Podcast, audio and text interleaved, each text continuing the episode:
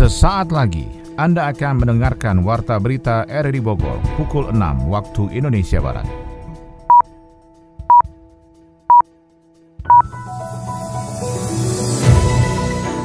Selamat pagi dan salam jumpa. Kami kembali hadir dalam Warta Berita pagi ini Kamis 20 Juli 2023.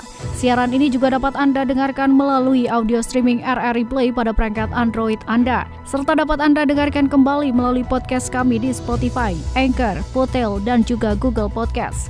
Berikut kami sampaikan berita utama. Kasus tawuran yang menewaskan satu orang yang terjadi di Jalan Raya Cilebut, Sukaraja, Kabupaten Bogor sudah naik ke tahap penyidikan. Seorang pengendara sepeda motor dilumpuhkan petugas kepolisian di Jalan Pajajaran Kota Bogor karena berkendara secara ugal-ugalan dan berusaha menyerang petugas lalu lintas. Bersama saya Ermelinda, inilah Warta Berita RRI Bogor selengkapnya.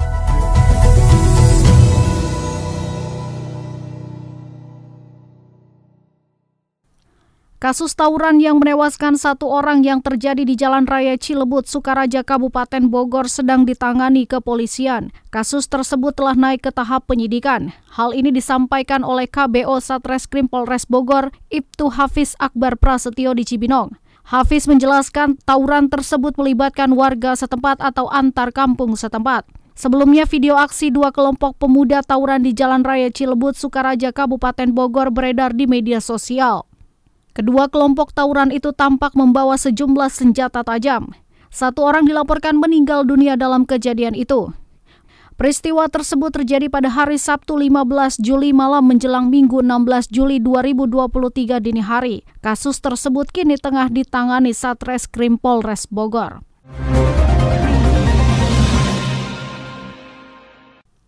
Polresta Bogor Kota melakukan pengetesan terhadap para sopir angkutan kota dan metro mini guna menghindari pengkonsumsian alkohol pada saat berkendara. Adi Fajar menurunkan hasil liputannya.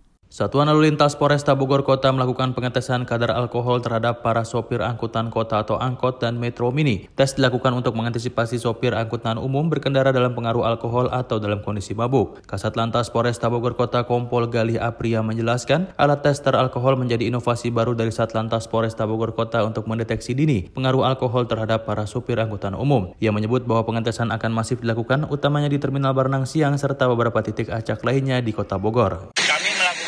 Inovasi yaitu pengecekan pengecekan para sopir angkot dan sopir bus khususnya di terminal Barang Siang kami mengecek melalui alat tester alkohol apakah sopir tersebut mengkonsumsi atau tidak mengkonsumsi alkohol. Kenapa demikian? Karena keselamatan penumpang ada pada keselamatan sopir. Ya. Alat ini uh, dibuat uh, kalau hijau dia nol berarti dia tidak mengkonsumsi. Kalau kuning itu perlu hati-hati di bawah 20 persen.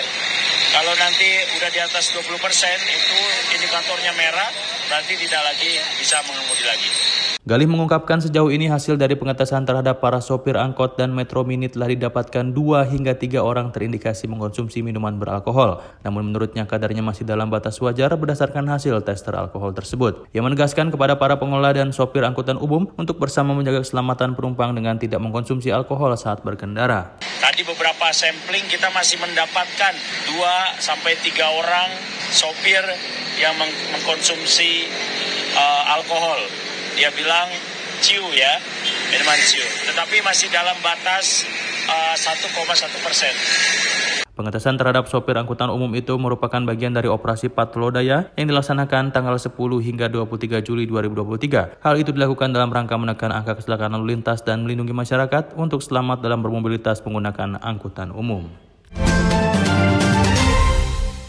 Seorang pengendara sepeda motor dilumpuhkan petugas kepolisian di Jalan Pajajaran Kota Bogor karena berkendara secara ugal-ugalan dan berusaha menyerang petugas lalu lintas. Sonia Gung Saputra melaporkan. Perilaku pengendara motor yang ugal-ugalan berinisial EDN di kawasan Jalan Pajajaran Kota Bogor mendapat penindakan dari aparat kepolisian dengan menembak. Kejadian itu bermula saat pelaku melaju kencang kendaraan dengan knalpot bising sehingga mengganggu ketertiban umum. Tidak hanya hal tersebut, pelaku juga nekat menabrak anggota kepolisian lalu lintas saat berjaga mengatur arus lalu lintas akan menantang petugas di kawasan tersebut. Kapolresta Bogor Kota Kombes Pol Bismo Teguh Prakoso menegaskan tindakan pelaku tidak bisa dibenarkan karena banyak melakukan pelanggaran arus lalu lintas dan membahayakan jiwa anggota kepolisian. Petugas yang berjaga di kawasan Jalan Pajajaran melihat tingkah pengendara yang ugal-ugalan tersebut langsung melakukan tindakan tegas terukur dengan menembak bagian kaki untuk melumpuhkan pelaku. Pelaku langsung diamankan oleh petugas untuk mempertanggungjawabkan perbuatannya dan saat digeledah pada tas yang dibawa ternyata membawa senjata tajam jenis celurit dan beberapa barang yang diduga melanggar aturan. Dua kasus yang kita masyarakat jadi korban tawuran atau korban kejahatan. Ini tadi pagi ya kita amankan tadi pagi ada di sekitar Jalan Harupat. Ya. Nah, ini pemuda dari arah Tugu Kujang menuju Amaris waktu itu ya. dengan tidak menggunakan helm kemudian ngegas-ngegas. Motornya diingatkan petugas malah petugasnya mau ditabrak sehingga membahayakan pengemudi jalan lain menyerempet dan lain sebagainya. Dan kemudian dicek di tasnya ya terdapat celurit ya. Nah, celurit ini. Ya, celurit ini ya, sehingga kita berikan tindakan tegas dan terukur pada pelaku karena sudah membahayakan petugas. Sampai dengan saat ini kepolisian masih melakukan pendalaman untuk menelusuri motif pelaku termasuk jaringan kejahatan karena adanya senjata tajam dan barang lainnya yang terindikasi bisa digunakan untuk aksi kejahatan. Polisi mengenakan pelanggaran undang-undang darurat dengan membawa senjata tajam dan mengancam jiwa petugas saat menjalankan pengaturan arus lalu lintas. Handuk mana nih handuk? Wih, lagi gambar apa, Jo? Biasa bre, iseng. Coba lihat. Widih, keren keren, cakep. Eh, apaan sih? Bungkus permen doang kali. Sini, coba lihat. Bre, bre, lu mau ngapain bre? Kok dicoret-coret sih? Elah, dikit doang kali. Dikit juga coretan kali bre. Aduh, iseng banget sih lu. Ibu kos ngamuk deh nih. Lah itu kecil juga sampah kali. Ye, bawel, malah nyolot. Yaudah, nih, nitip, buangin sekalian. Eh, uh, sebrol. Buruan bre, gantian mandinya.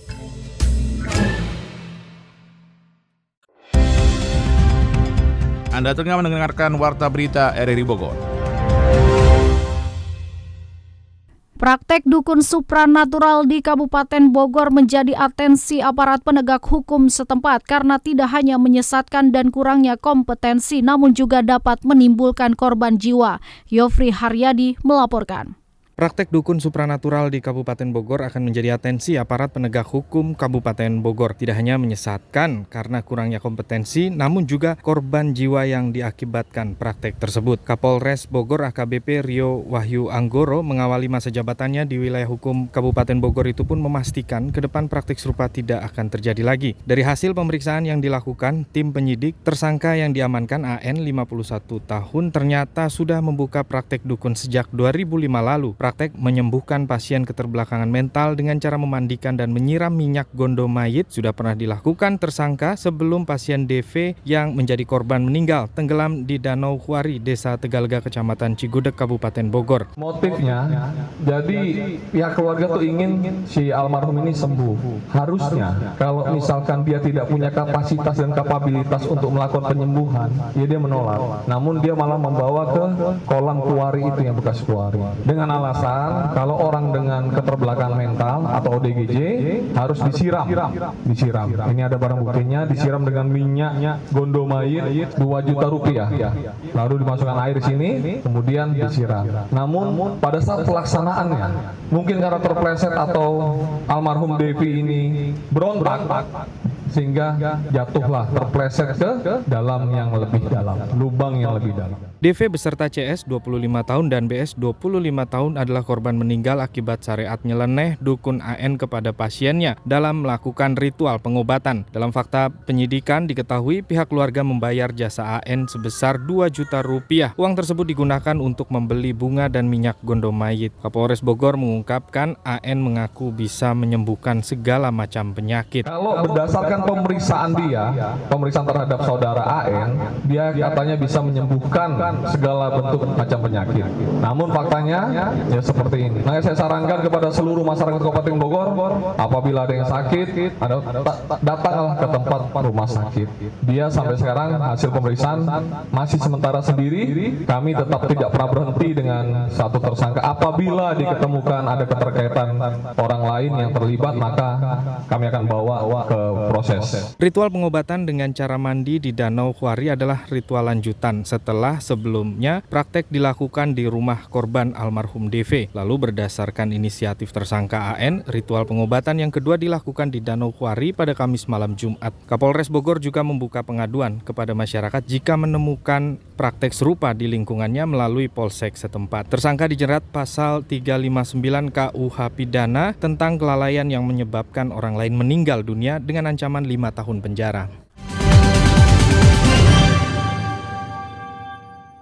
Info Ekonomi Menteri Koordinator Bidang Kemaritiman dan Investasi Menko Marves Luhut Binsar Panjaitan kecewa karena indeks kinerja logistik LPI Indonesia anjlok dari 46 ke urutan 63 tahun ini.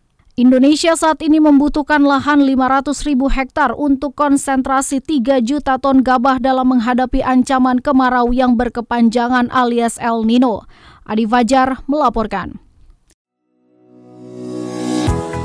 Menko Kemaritiman dan Investasi Lut Binsar Panjaitan kecewa terhadap indeks kinerja logistik atau LPI Indonesia yang anjlok dari 46 ke urutan 63 di tahun ini. Ia akan meminta klarifikasi Bank Dunia soal laporan tersebut. Dalam laporan Bank Dunia, skor LP Indonesia pada tahun ini turun menjadi 3,15 kalah jauh dari Singapura yang ada di posisi pertama dengan skor 4,3 dan Jepang di peringkat ke-15 dengan skor 3,9. Survei LPI dilakukan Bank Dunia terhadap 139 negara terkait dengan kecepatan pengiriman atau pengangkutan barang hingga pelayanan yang diberikan dalam melakukan bisnis logistik. Setidaknya ada enam indikator yang diukur oleh Bank Dunia terkait LPI ini, yakni kepabeanan, infrastruktur, pengiriman internasional, kompetensi dan kualitas logistik, timeline, serta pelacakan dan penelusuran. Jika dilihat dari sisi kepabeanan, skor Indonesia sebenarnya mengalami kenaikan dari 2,67 pada tahun 2018 menjadi 2,8 pada 2023. Indonesia juga mampu mempertahankan skor infrastruktur yakni 2,9, namun skor pengiriman internasional turun dari 3,23 menjadi 3 di tahun ini. Begitu juga dengan kompetensi dan kualitas logistik, skornya menurun dari 3,1 menjadi 2,9. Untuk skor indikator pelacakan dan penelusuran serta timeline juga turun. Pelacakan dan penelusuran tercatat turun dari 3,3 menjadi 3 dan timeline merosot dari 3,67 menjadi 3,3. Adapun negara dengan peringkat LPI tertinggi ialah Singapura, Finlandia, Denmark, Jerman, dan Belanda. Menteri Pertanian Syahrul Yassin Limpo mengungkapkan Indonesia membutuhkan lahan 500 ribu hektar untuk menghadapi ancaman kemarau yang berkepanjangan alias El Nino. Plan itu dibutuhkan untuk konsentrasi 3 juta gabah. Karenanya, pemerintah meminta sejumlah daerah untuk menyediakan sawah di antaranya di Banten, Jawa Barat, Jawa Tengah, Jawa Timur, Sumatera Utara, Sumatera Selatan, dan Sulawesi Selatan. Selain itu, ada juga daerah pendamping seperti NTB dan Kalimantan Selatan. Mentan mengungkapkan puncak El Nino diprediksi terjadi pada Agustus hingga September 2023. Sebelum itu terjadi, lahan pertanian dan bahan pangan harus disiapkan. Ia mengklaim dalam tiga tahun terakhir, ekonomi Indonesia disokong dari sektor pertanian salah satunya di Provinsi Banten, sehingga wilayah di ujung barat Pulau Jawa ini bisa membantu ketahanan pangan Indonesia saat El Nino nanti.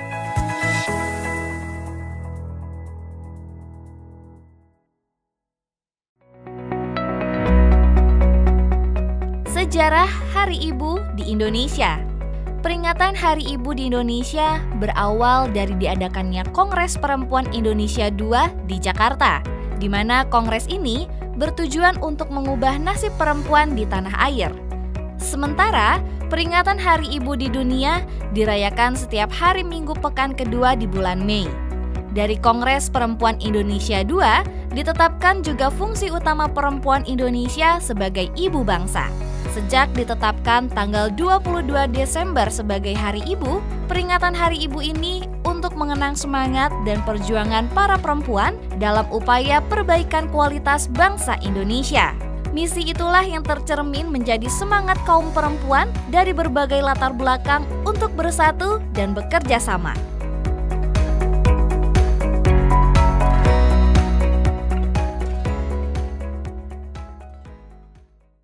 berita olahraga.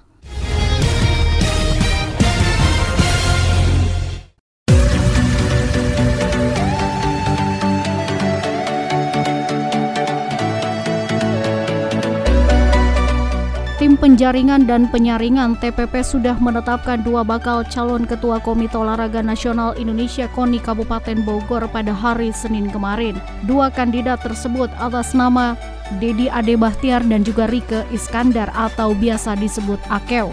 Ketua TPP Fitri Putra Nugraha mengatakan sah calon kandidat organisasi yang menjadi wadah semua cabang olahraga di Kabupaten Bogor tersebut. Keputusan disahkannya dua bakal calon atau balon Ketua KONI Kabupaten Bogor periode 2023-2027 ditetapkan TPP di hadapan pengurus KONI Kabupaten Bogor periode 2019-2023 di Sekretariat KONI Jalan Lingkar Stadion Pakansari Kecamatan Cibinong Kabupaten Bogor. Jangan sampai ada suara cabur yang mubazir karena di dalam pasal berikutnya dari ketentuan harus 18 cabur menandatangani hmm, surat, surat secara sah dengan ketentuan ditandatangani basah, cap basah dan bermaterai, koma ada komanya nih atau sesuai kelaziman pada organisasi masing-masing, organisasi cabur masing-masing. Sebenarnya di satu sisi di pasal itu mengunci, komanya itu ngebuka kuncinya.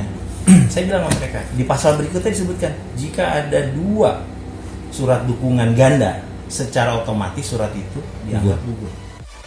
Meski tugas utama TPP yakni menjaring bakal calon dan menetapkannya menjadi calon sudah selesai, namun menurut Fitri, TPP tetap bekerja sama membantu tim SC atau OC untuk mempersiapkan pelaksanaan musyawarah olahraga kabupaten yang rencananya digelar pada hari Kamis 27 Juli 2023 mendatang di salah satu hotel di Jalan Raya Puncak, Kecamatan Cisarua. Sementara itu dikatakan oleh Dedi Budi Sumardi, Wakil Ketua KONI Kabupaten Bogor, disinggung soal pencalonan dari ASN. Dengan tegas Dedi menjelaskan bahwa pencalonan dari ASN harus melampirkan surat izin dari kepala daerah atau pejabat pembina kepegawaian. Sementara dari unsur olahraga wajib melampirkan rekomendasi dari Pengda atau Pengprov masing-masing cabur. Dari uh, pimpinan daerah. Uh, kalau ada yang contohnya di apa disampaikan di Jawa Barat juga harus se ini kalau di Barat lebih tinggi lagi malah ini mencantumkan dengan anda rekomendasi dari gubernur itu sebenarnya memang untuk ASN yang seperti itu. Sebetulnya kalau dinikah lagi dengan atasan, hmm. kita langsung lah, langsung langsung. cuma mungkin e, berkaitan dengan hal yang kita ini ada yang dari e, TNI Polri. Kita kan harus disejarkan makanya seperti itu. Kalau atasan langsung dari e, TNI Polri kan e, berbeda dengan yang di kita yaitu dengan seperti dikaitkan dengan e, wilayah. Dan wilayah tersebut mungkin hampir sama dengan kedudukan pimpinan daerah. Ya, tapi pada dasarnya kami, kami menyampaikan seperti itu dan muncul hasil dari kesepakatan dari raker tersebut. Hmm. itu adalah uh, rekomendasi dari pimpinan daerah. Namanya itu pimpinan daerah. Dua kandidat ketua KONI Kabupaten Bogor ini akan bertarung menjadi orang nomor satu di organisasi tempat bernaungnya cabang olahraga di Kabupaten Bogor dengan memperebutkan 61 dari 64 suara cabang olahraga. Dejan Ferdinansyah dan juga Gloria Wijaya lolos ke babak 16 besar Korea Open 2023. Mereka jaga asa untuk terus melaju di ajang tersebut. Dalam pertandingan di Jinam Stadium pada hari Rabu, Dejan Gloria sejatinya telah unggul 21-10 atas wakil Thailand di game pertama babak 32 besar Korea Open 2023. Namun memasuki game kedua peristiwa kurang mengenakan terjadi. Wakil dari Taiwan mengalami cedera pergelangan kaki yang membuatnya tidak lagi mampu melanjutkan pertandingan. Kemudian wakil dari Taiwan mundur saat kedudukan Dejan Gloria unggul 20-17 di game kedua. Pada pertandingan kali ini Dejan Gloria memang tampil lebih dominan. Serangan-serangan mereka sulit dibendung terutama di game pertama. Di game kedua Dejan Gloria sempat unggul 10-4 dan 13-10 sebelum akhirnya kembali didekati lawan. Dengan kemenangan ini Dejan Gloria menyusul rekannya Praven Jordan dan melatih Deva Octavianti yang sudah terlebih dahulu lolos ke babak 16 besar. Jordan melatih lolos tanpa berkeringat setelah calon lawannya Hei Yong Kai Terry dan Jessica Tan Wei Han dari Singapura mengundurkan diri.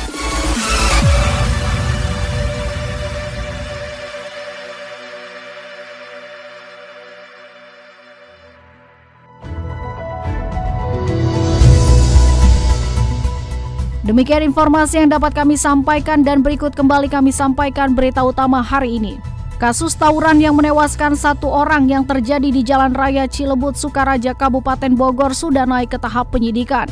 Seorang pengendara sepeda motor dilumpuhkan petugas kepolisian di Jalan Pajajaran Kota Bogor karena berkendara secara ugal-ugalan dan berusaha menyerang petugas lalu lintas. Siaran ini dapat Anda dengarkan kembali melalui podcast kami di Spotify, Anchor, Potel, dan juga Google Podcast. Mewakili kerabat kerja yang bertugas hari ini, saya Ermelinda mengucapkan terima kasih dan selamat pagi.